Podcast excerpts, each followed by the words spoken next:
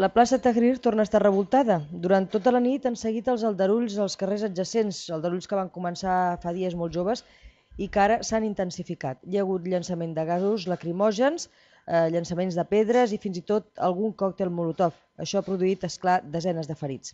La màxima autoritat judicial ha demanat als magistrats, mentrestant, que deixin de treballar fins que el president Mursi derogui el decret que li atorga plens poders. Els jutges d'Alexandria i de dues províncies més ja s'han declarat en vaga. I aquí al Caire el que diuen els manifestants eh, que són a la plaça Tahrir, com aquest jove, és que el que vol fer el president Mursi és una involució política i que no ho pensen permetre.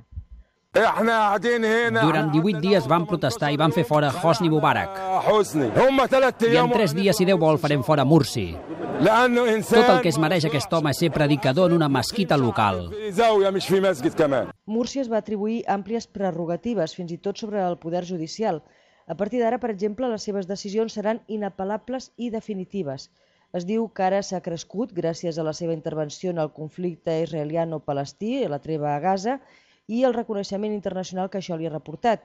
El primer objectiu de l'augment de poders que persegueix seria evitar que el Tribunal Superior dissolgui el Parlament que està treballant en una nova Constitució i que està dominat pels germans musulmans.